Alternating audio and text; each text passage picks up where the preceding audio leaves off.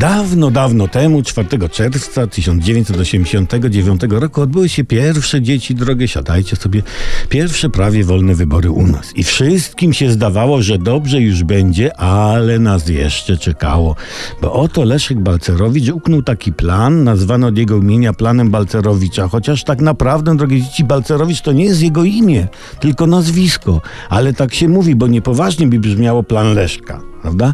I on uknął, żeby zlikwidować kolejki, co mu się udało i naród poczuł się zagubiony, bo w kolejkach stało się nocą po mięso, meble, majtki, książki, komitety były kolejkowe, ludzie się integrowali.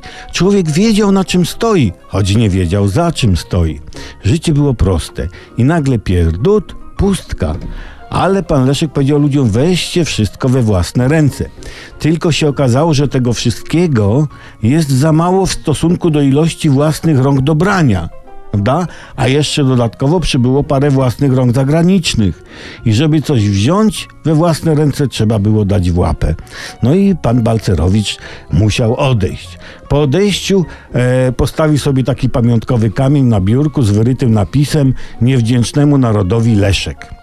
I później, słuchajcie, tak przez te 30 lat to się działo dużo rzeczy, a to to, a to tamto, a to znów owo. I, I tak już zostało do dzisiaj. Co ja wam zresztą będę mówił, sami wiecie. Ale ten 4 czerwca 89 roku to był piękny dzień. Tak, dzisiaj też jest piękny dzień. No niechby już tak zostało, nie?